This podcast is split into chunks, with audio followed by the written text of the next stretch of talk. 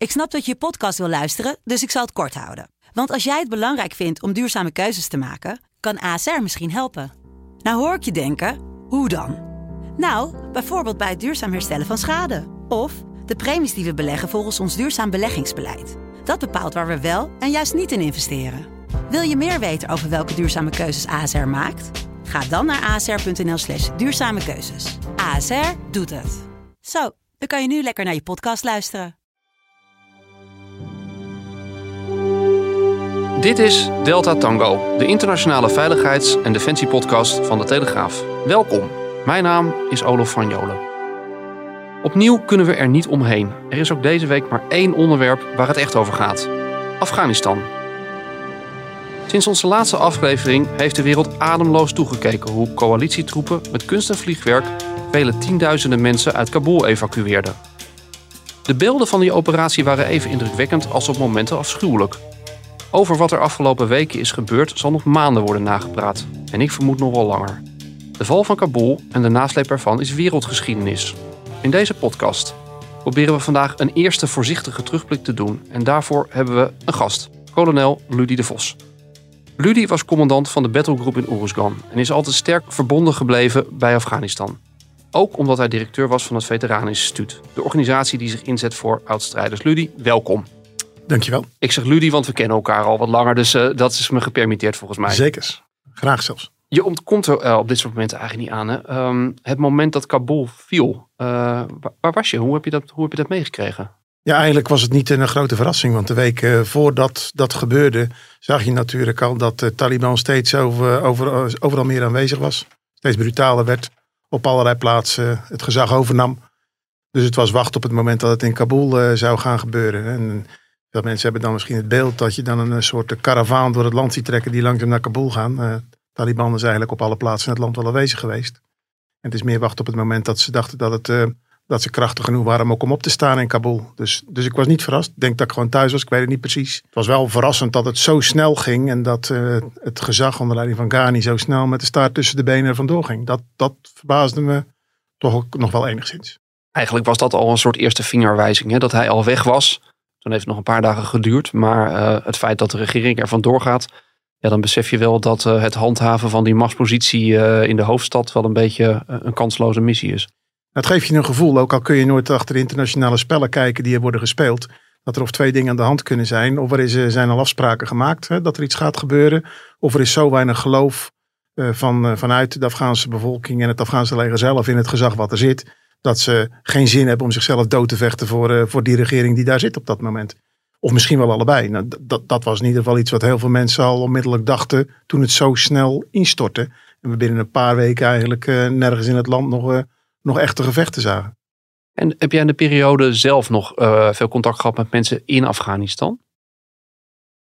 Mm, veel. Ja, ik heb wel met mensen contact gehad in Afghanistan. Um, Nederlanders vooral die, uh, die er nog zaten. Uh, en, via wat tolken. We, we, weten dat wat tolken net in die, in die, in die ingewikkelde fase aan de voorkant nog weg hebben kunnen komen uit, uit Afghanistan. Omdat ze toen toch vooral heel erg bang waren dat het onmiddellijk hun leven zou kosten.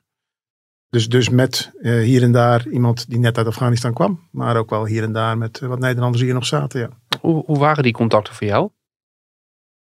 Ja, iedereen vond het super spannend. En dat, dat, dat vond ik natuurlijk ook. Hè. We, hebben er, we, hebben, we hebben er lang gezeten, twintig jaar. Ik, heb er zelf een, ik ben zelf in de periode tussen 2006 en 2008 best wel heel vaak geweest. Omdat ook uh, mijn eenheden daar zaten.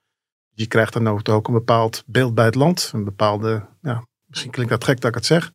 Een, bepaald, een bepaalde band en een liefde voor het land. Dat, want, het is, want het is een fantastisch mooi land om te zien met heel veel mooie volkeren. Ik kan me er alles bij voorstellen. Ja, bedoel, je, ja, het is bijna, bijna misschien onmogelijk om, om niet op een manier meer betrokken te raken. Nee, het is ook een ingewikkeld land. Dus, dus op dat moment ga je nadenken over hey, hoe ziet dat er dan uit met die politieke verhoudingen.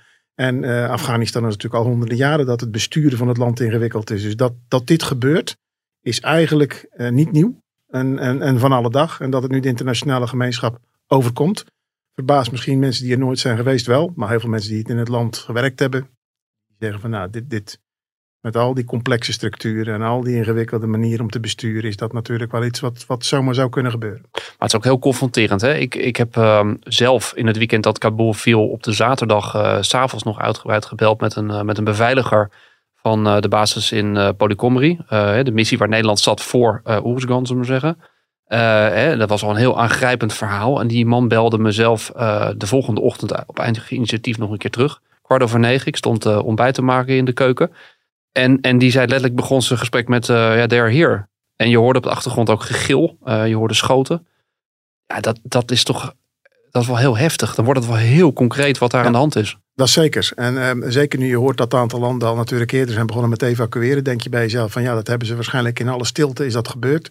Dat maakt natuurlijk ook duidelijk dat men al wel wist dat die regering uiteindelijk niet veel geloof, dat er niet veel geloof in die regering was.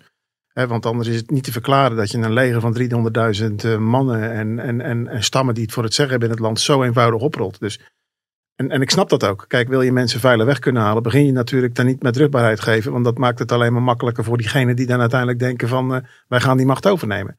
Um, dus, dus die verbazing zal vooral ook zijn voor degenen die het niet hebben meegemaakt. Of dat niet wisten, uh, dat, dat, dat er achter de schermen van alles speelde. Maar ja, het is wel heel confronterend als je zelf aan de kant van op dat moment het wettige gezag staat.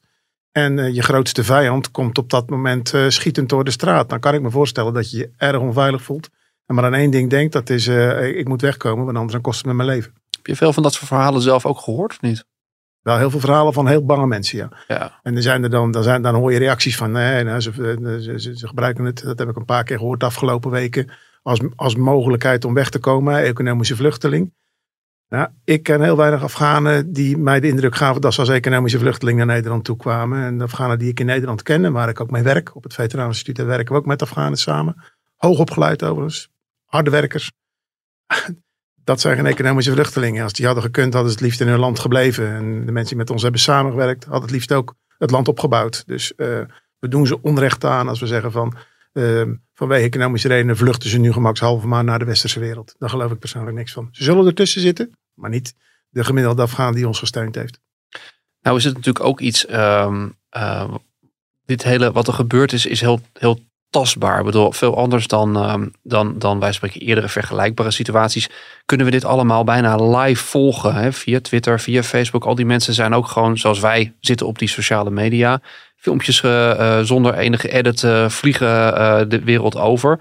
Dus je, je ziet eigenlijk real live zie je dat, dat, dat, dat drama wat er toch is zich, zich aftekenen. Um, ik, ik kan me voorstellen dat ook uh, de impact is er natuurlijk hoe dan ook al voor veteranen die, uh, die de Oeruzgan uh, tijd hebben meegemaakt. Maar, maar dat verstevigt het nog eens een keer. Hoe, wat doet dit met, met jouw oud-collega's? Um, wij zijn als militairen dan wel zo denk ik dat we eerst gaan kijken van hey, als er dan zoveel informatie is, laten we eens proberen het beeld scherp te stellen. Er zijn dat, en zeker nou, als, als commandant zou ik dat doen, ga niet af op je eerste indruk. Uh, je realiseert je dan wel dat als wij die beelden hebben, dat de mogelijke tegenstanders van het gezag dat ook hebben. Dus die zullen dat natuurlijk ook zien als een, als, als een, uh, die als een, eh, een, een window opportunity hebben gezien. Van ja, als dan in het land alles misgaat, ja, dat is dan een uitstekend moment om uiteindelijk uh, in extra in actie te komen om dat nog eens te versterken. Dus ik sluit niet er zijn, uit. Er zijn wel berichten hè, dat, ze ook, dat ze het ingezet hebben juist om te denken van nou, het beeld te creëren van het is hopeloos, je kan maar beter je handen omhoog steken. Ja. Tuurlijk, we, zitten in een, in, een, in, een, in een tijd van informatieoorlog en je kan informatie voor je en tegen je gebruiken. Dus ja, wij, wij ik, roep al, ik roep zelf altijd van probeer de gegevens gewoon eerst netjes te ordenen en ga niet af op, op één beeld wat je ziet. Hè. Beelden kunnen beïnvloed worden. Bovendien, we, hebben, we zijn er zelf geweest. Probeer al die informatie bij elkaar te brengen. En juist daarom is ook het elkaar ontmoeten belangrijk. Omdat je dan uh, niet gaat somberen alleen maar. Of niet alleen maar Hosanna uitspreekt. Maar gewoon ook beelden met elkaar kunt, kunt delen en, en, beter op kunt bouwen. Want wat is jouw beeld uh, binnen die populatie? Het gaat om duizenden mensen die naar Afghanistan uit zijn gezonden.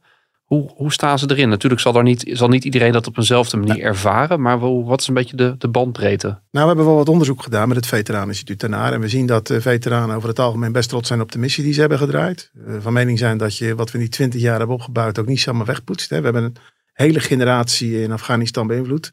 Afghanistan is natuurlijk een land van jonge mensen, want uh, veel ouderen zijn natuurlijk in al die eeuwen, en zeker in die laatste, in die laatste eeuw, zijn, zijn, zijn er ongelooflijk veel mensen omgekomen. Dus er zijn vooral veel jonge Afghanen. Um, die hebben we zeker beïnvloed. Die hebben gezien hoe je ook op een andere manier je land op kunt bouwen. Hoe je uiteindelijk ook zelf het heft in handen kunt nemen. Uh, daar hebben we hoop in dat dat, dat uiteindelijk natuurlijk wel gaat, uh, gaat, uh, iets, iets gaat betekenen. We hebben er zelf natuurlijk ook bijgedragen aan het, uh, aan het welzijn. En dan denk ik aan waterputten, ziekenhuizen, scholen, maar ook infrastructuur, wegen, verlichting enzovoorts. Allerlei zaken die voor ons vanzelfsprekend zijn maar in de preventieve delen van Afghanistan niet. Dus dat betekent dat wij over het algemeen toch wel wat, nou, dat, dat, de, dat de ervaringen van veteranen over het algemeen net wat positiever zijn. En, en, en, en dat, dat is wel iets wat een beetje in contrast is met wat je in de media leest. Dat men denkt van dit is allemaal van niets geweest. Of dat, dat, dat je dat dan hoort. Zijn die mensen, eh, raken mensen niet ernstig van slag door te zien wat hier gebeurt? Um, oh, wel, ja. Het, uh, het doet wel wat met je, want je gaat natuurlijk toch twijfelen. En, en ook daarom is het goed om met elkaar van gedachten te wisselen. Zodat je ook uiteindelijk kunt zeggen van ja, oké, misschien zie ik het allemaal wel wat te somber en misschien zijn er toch wel wat aanknopingspunten. Um, uh, dus, dus dat is goed. Maar je moet ook je gevoel even kwijt kunnen om te zeggen van ja, het is wel frustrerend om te zien waar wij zo lang hebben gezeten. Dat dat nu plotseling in elkaar lijkt te storten. En dat een uiterst onzekere periode komt. Ook heel visueel, hè? Want uh, ja. uh, bijvoorbeeld twee filmpjes die mij heel erg raakten of die, die heel concreet waren. Is een filmpje wat, wat een paar maanden geleden rondging van, van Chora, de, de White Compound. Hè? Het gebouw waar, van waaruit de Nederlandse militairen daar opereerden. Ja, en in één keer uh, op dat terrein zie je gewoon een hele serie uh, Taliban-strijders die daar het ochtendgebed ja. doen. Dat, dat is toch, dan, dat maakt het wel heel concreet en, en koppelt het ook heel erg aan de Nederlandse situatie. En, en, en onlangs natuurlijk nog, ja, Kamp Holland, de poort ging open en plotseling was, het, was het van de Taliban. En niet meer van ons, wat, wat ja. voor mensen zo moet voelen. Dat klopt. Ik zat uh, zaterdag bij een, met uh, mijn krantinterview met, met, met een krant en met een andere veteraan. Die zegt ook van ja, ik ben drie keer in Afghanistan geweest. Hij zegt en de ene week dan hoor ik dat, dat Kandahar valt. Hij zegt de volgende week dan valt Mazar. Hij zegt en de derde, de, de derde keer hoor je Kabul. Hij zegt en dat zijn alle drie de plaatsen waar ik ben geweest en drie keer mijn missie heb gedraaid. Hij zegt dat doet, dat doet wel wat met je. Wat mij wel opvalt, is, is, dat we kennen natuurlijk de Taliban vooral van de gruwelijkheden zoals die in het verleden zijn, zijn gepleegd. Overigens is Taliban dan natuurlijk ook wel een containerbegrip. Laten we het opposing military forces noemen. Want gemakshalve hebben we altijd alles onder het kopje Taliban. Maar daar is, daar is Afghanistan veel te complex voor. Ja. Je hebt warlords. Je hebt uh, buitenlandse strijders die ergens meedoen. Je hebt uh, religieuze strijders van de Pashtun die dan uh, zichzelf Taliban noemen. Um, maar we hebben natuurlijk veel gruwelijkheden gezien. En ik moet eerlijk zeggen, als ik naar de afgelopen week in de media kijk. Natuurlijk zie je wel eens wat verschijnen. Maar over het algemeen is er vooral angst dat dat gaat gebeuren. Um, maar ja, iedereen weet dat ook de Taliban het land moet gaan besturen. En, en, en dat kun je maar op één manier doen. Dat is door compromissen te sluiten met andere volkeren in het land. Want anders dan gaat dat niet werken in Afghanistan. Nee. Je, je roert het al aan. Um, ondanks het feit dat je zegt van die, die militairen zijn toch wel in staat om het genuanceerder te zien Kijken, dan, ja. dan te zeggen van het was ja. allemaal voor niets. He, dat, zo, zo, komt, zo zien jullie dat of zo zien de veteranen dat dan, dan niet. Maar uh, hoe uh, wordt hierop ingespeeld om, om toch die mensen bij elkaar te brengen? Hoe, hoe doen jullie dat? Om, om, om, om bij elkaar steun te zoeken? Want je zei ook van ja, het raakt ze natuurlijk wel. Nou ja, kijk, wat je natuurlijk zeker raakt is als je beelden ziet van bekende gebieden. Je zei het zelf al, zoals uh, Tarin Kot, ons kamp. Um, of, mensen op televisie zoals tolken waarmee je op pad bent geweest. Natuurlijk doet dat wel. En je hoopt dat die mensen terug kunnen komen. Dat die mensen waarmee je hebt samengewerkt. Die natuurlijk niet onmiddellijk uh, uh, tot de vriendenkring zullen behoren van diegenen die het nu overnemen. Dat die ook ongeschonden weg kunnen komen. Daar zijn we voor verantwoordelijk. Dat voelen wij ook zo. Daar waar, waar je in de samenleving dan nog eens hoort zeggen van ja, moeten we dan weer zo nodig een paar duizend mensen naar Nederland halen? Dan zeg ik ja. En dat zijn er ook niet eens zoveel, want we zijn daar twintig jaar geweest. We hebben op, en op allerlei plaatsen in Afghanistan gezeten. Natuurlijk, die halen we terug. Veel veteranen die zich ook heel actief inzetten. Ja. Afgelopen ja. week heb ik dat ook gezien. Ja. Die ook letterlijk zelf, hebben, zelf met mensen bellen en spreken. En op allerlei manieren. Dus dat is heel concreet ook. Ja, er is een meldpunt waar, waarbij we die informatie bij elkaar konden brengen. En iedereen die contact had, die, die heeft daar ook zijn informatie aan gebracht. Dus we hebben kunnen kijken of, dat, of we daar iets mee konden. Uh, en, en, en blijkbaar heeft dat toch op een aantal momenten wel heel goed gewerkt. Maar dat bij elkaar komen, dat vroeg je, um, dat is voor ons sowieso belangrijk. Hè. Ontmoeten betekent voor ons dat datgene wat je hebt meegemaakt in missies, dat je dat van je af kunt praten op het moment dat je daar spanning door opbouwt. Doe je in een missie. En we hebben ook geleerd dat als je na de missie in Nederland bent en dat je als je die spanning hebt, om wat voor reden ook, en, en zeg maar de, de val van Kabul of het instorten van het gezag in Afghanistan is zo'n zo'n omstandigheid waarmee mensen uiteindelijk toch wel stress krijgen er is niet goed, misschien op, spanning opbouwt. Het roept emoties het roept op. emoties op. Is dat wel um, heel goed dat je dan ziet dat wij als een soort van natuur elkaar gaan ontmoeten en gaan verzamelen. En dat iedereen ook zegt van hey, buddy check. Um, soms heel groot. Hè? Er is zo'n uh, zo'n zo site van een veteraan, Robin Imtoren. Die heeft zo'n 17.000 mensen volgers via een Instagram uh, uh, groep Buddy Check. En dat heet dan 55 Out. En daar zie je mensen zich online verzamelen, nieuwe vorm van ontmoeten. Maar daarnaast ook in inloophuizen, ontmoetingscentra, gewoon met elkaar in gesprek gaan. Ook met veteranen uit andere missies. Dus, dus het maakt de groep hechter. Het, dat is ook goed. Het fenomeen is natuurlijk altijd dat, uh, dat niemand je zo goed begrijpt als iemand die hetzelfde heeft meegemaakt. Dat klopt. Dat, je, je, bij je kameraden vind je begrip. En zeker als je over Afghanistan hebt. We hebben 30.000 ongeveer mensen die in Afghanistan zijn geweest. Dat zijn er veel. die, zit je, die, die kom je dus in, door heel Nederland tegen. Uh, en daar waar wij tegen de samenleving moesten zeggen altijd van, uh, nog steeds zeggen van, nodig veteranen vooral uit om hun verhaal te doen. Zie je dat nu plotseling spontaan ontstaan. En hoef jij eigenlijk alleen maar te zeggen, de situatie in Afghanistan begrijpt iedereen. Breng die veteranen bij elkaar. Laat ze niet alleen de verhalen met elkaar delen, maar laat het ook vertellen in de samenleving. Zodat we wat meer beeld en geluid krijgen. En niet alleen die 17 miljoen 700.000 uh, die er niet zijn geweest, uiteindelijk als deskundigen aan het woord laten, maar laat ook de militairen vertellen. En de diplomaten die er zijn geweest. Stoort je dat? Dat, uh, dat plotseling heel veel mensen een mening hebben over, over Afghanistan, de missie? Ja, dat is Nederland. Ik bedoel, als je het of je nu over COVID hebt of we hebben het over, over voetbal. Iedereen heeft altijd een mening. Hè. Gisteren las ik toevallig een mooi parallel in de krant dat we het laagste gevaccineerde aantal in Europa hebben. Dan denk ik bij mezelf, ja, dat is ook Nederland.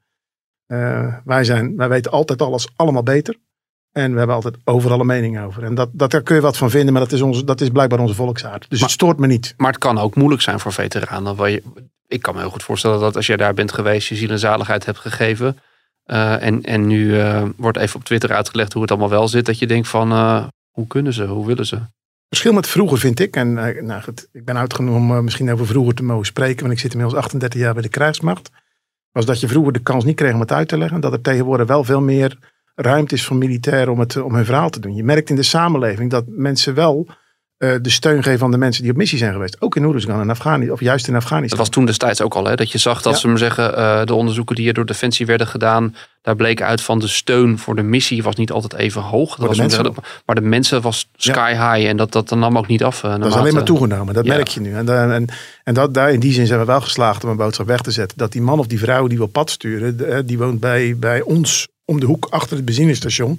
Die sturen wij op pad op missie. En als ze terugkomen, moeten wij ook uh, maken dat we die hun plaats in de samenleving weer in laten nemen. En ook proberen te luisteren wat ze aan kennis en ervaring en uh, meenemen uit, uh, uit die gebieden waar ze zijn geweest. Ja, want ik vond dat interessant. Een van de parallellen die natuurlijk wel werd getrokken was ehm, ook vanwege het beeld van die helikopter boven de Amerikaanse ambassade. Dan denk je snel aan, aan Saigon ja. 75. Ja.